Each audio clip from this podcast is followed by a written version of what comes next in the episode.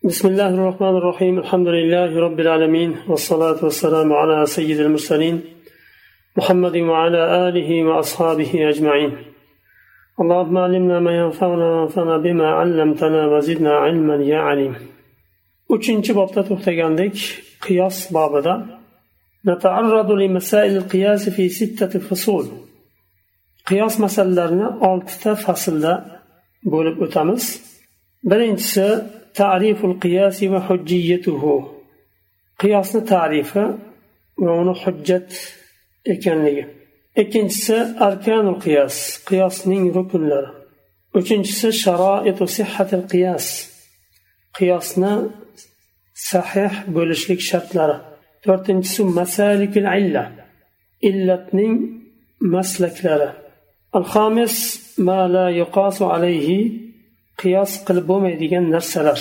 beshinchisi oltinchisi al qiyosul jaliyu val qiyosul xafiy jali qiyos bilan xafiy qiyos birinchi fasl demak tariful qiyos va hujjiyatuhu qiyosning tarifi va uning hujjat ekani تعريف القياس القياس في اللغة التقدير كما تقول قسط طول الجدار بخطوات فكان عشرين خطوة وهو في المقادير الطولية أكثر استعمالا منه في المساحات والحجوم قياس لغة التقدير o'lchash degan aytasiz devorni uzunligini qadamlarim bilan o'lchadim yigirma qadam chiqdi deganda qistu o'lchadim qiyos ko'proq uzun narsalarni uzunligini o'lchashga ishlatiladi kenglik yo hajmini o'lchashdan ko'ra ko'proq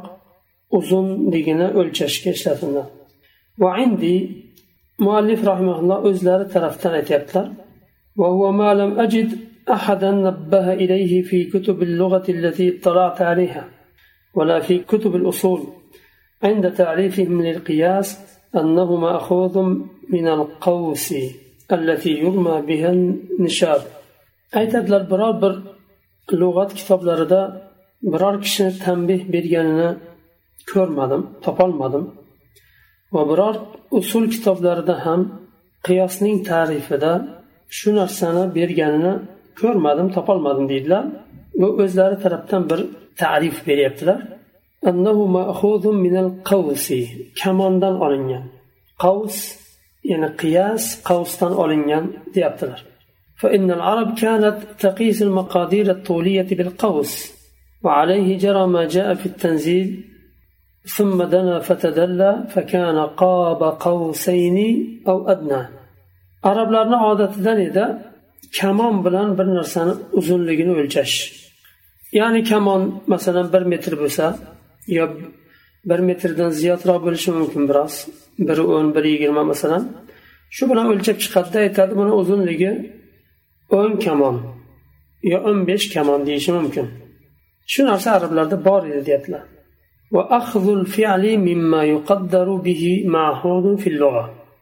O'lchaydigan narsa bilan fe'lni olishlik lug'atda mahud bo'lgan narsa u. Ya'ni lug'atda bor narsa. Qanday o'lchaydigan narsa bilan fe'lni olishlik? Kamon bilan o'lchadimi? Qavvastu deydi.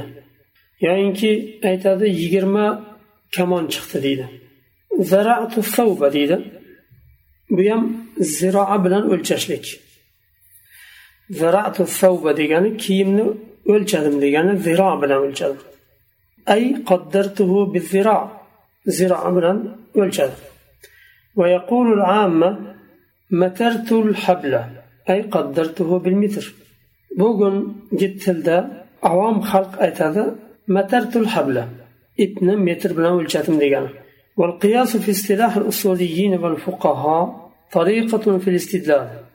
هي أن يستدل المجتهد بعلة الحكم الثابت بالنص أو الإجماع على حكم أمر غير معلوم الحكم. فيلحق الأمر المسكوت عن حكمه في الشرع بالحكم المنصوص على حكمه إذا اشتركا في علة الحكم. قياس usuliylarni va fuqarolarning istilohida istidlol yo'li hisoblanadi istidlol qiladi. Ya'ni mushtahid ijmo bilan yoyinki nas bilan sobit bo'lgan bir hukmning illatini hukmi ma'lum bo'lmagan bir narsaning hukmiga qiyos qiladi dalil qiladi. Va hukmi shariatda maskut bo'lgan narsani hukmini nas bilan hukmi sobit bo'lgan hukmga qiyos qilishadi ergashtirishadi. Qachon? Agarki hukmning illati sherik bo'ladigan bo'lsa bir xil bo'ladigan bo'lsa. Bu tariqa misolda bayon bo'ladi. Hadisi sharifda rasululloh sollallohu alayhi vasallam aytadilar riboni aytganlarida ba'zi bir taom bo'lgan otlarni zikr qilganlar hadisda al burru bil burri. والشعير بالشعير والتمر بالتمر والملح بالملح مثلا بمثل سواء بسواء يدا بيد فمن زاد أو استزاد فقد أربى bug'doy bilan bug'doy almashtiriladigan bo'lsa oldingi vaqtda faqat pulni o'zi ishlamagan bug'doy berib evaziga arpa olishi mumkin arpa olib evaziga yog' berishi mumkin. Shunga o'xshagan taom bilan taomni almashtirishardi. Agar bug'doy bilan bug'doyni almashtiradigan bo'lsa yo arpa bilan arpani yoki xurmo bilan xurmoni yo tuz bilan tuzni jinsi bir bo'ladigan bo'lsa ikki jins hech narsa qilmaydi. Bug'doy bilan arpa bo'ladigan bo'lsa bir biridan ziyoda bo'lsa ham hech narsa qilmaydi. Yoyinki bir kilo xurmo bilan E, to'rt kilo bug'doyni almashtirsa bo'laveradi. Lekin bug'doy bilan bug'doy bo'ladigan bo'lsa yo arpa bilan arpa tamir bilan tamir u holatda bir xil bo'lishi kerak. Jinsi bir bo'ladigan bo'lsa mislan bimitlin bo'lishi kerak. Mislan bimitlin ikkalasi bir xil. Savaan bisavain u ham bir xil. Yadan biyadin bir majlisda bo'lishi kerak qo'lma qo'l bo'lishi kerak. Masalan o'n kilo bug'doyga o'n kilo boshqa turdagi bug'doyni almashtirdingiz qoldirdingizda ertaga man badalni olaman dedingiz. Yoyinki siz almashtiradigan kishi keyin kelib olasiz dedi. U holatda bo'lmaydi. Bir majlisda bo'lishi kerak. Yadan biyadin. Agar uni yonida siz bug'doyni olib bordingiz yana uni qaytarib uyiga olib ketishga imkoniyat yo'q.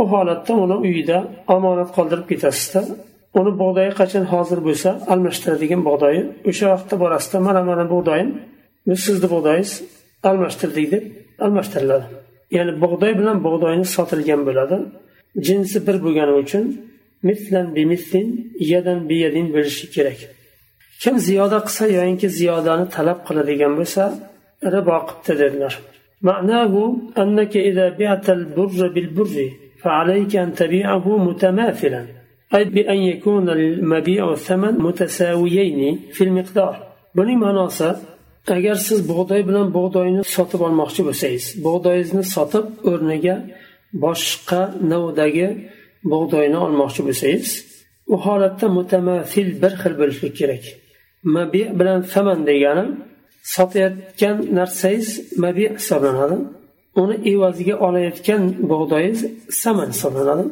ikkalasi mutasaviyayn bo'lishlik kerak miqdorda barobar bo'lishi kerak va ziyadatu mamnuatun ziyodasi man qilinadi فلو جعلت أحد العوضين زائدا في المقدار شيئا عن العوض الآخر فتلك الزيادة ربا محرم agar ikkala evazdan bittasini ziyoda qilsangiz miqdorda boshqasidan ko'ra miqdorda ziyoda qilsangiz u holatda mana shu ziyoda harom bo'lgan ribo bo'ladi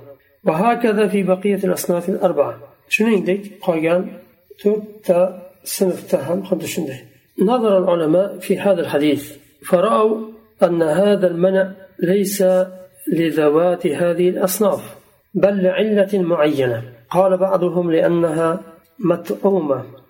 ثم نظر فوجد أن هناك مواد أخر لم تذكر في الحديث هي أيضا مطعومة. كاللحم والخضار فقال يحرم الربا فيها أيضا فهذا النوع من الاستدلال هو ما يسمى بالقياس olimlar bu hadisga qaradilar va ko'rdilarki bu yerda man qilingan narsalar yuqorida zikr qilingan hadisdagi narsalardagina emas riboni hosil bo'lishligi va ziyodani man qilishlik balki muayyan bir illat sabablidir deb topdilar va ba'zilar aytdilar chunki ular taom bo'lgani uchun ya'ni bir qismi aytilindi boshqa qismi illati bir bo'lgandan keyin shunga qiyos qilinadi.